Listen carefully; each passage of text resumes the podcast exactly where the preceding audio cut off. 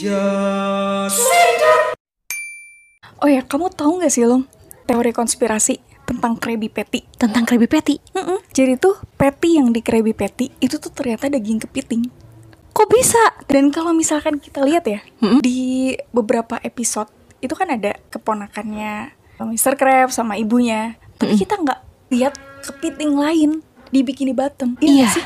Iya. Dan pas Mr. Krab dia nyobain Krabby Patty, terus dia bilang, oh jadi ini rasanya diriku.